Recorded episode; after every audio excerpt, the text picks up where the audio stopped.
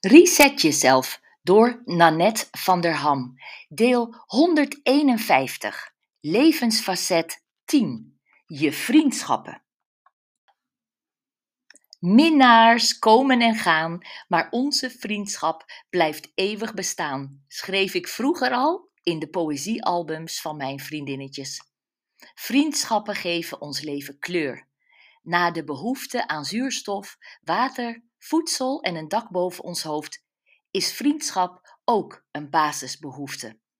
Vriendschappen zijn in onze tijd steeds belangrijker aan het worden.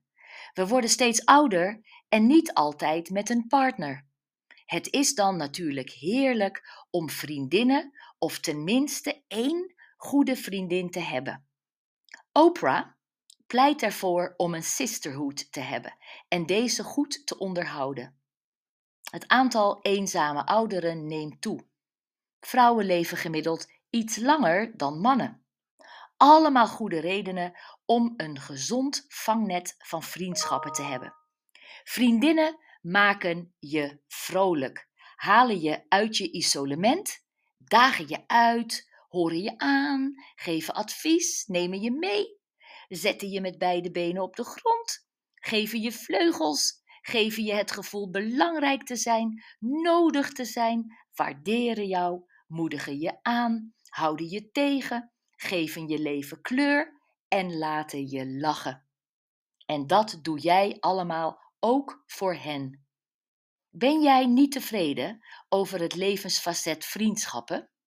Laten we eens kijken wat er aan de hand is en een keuze gaan maken voor een reset op jouw vriendschapsgebied.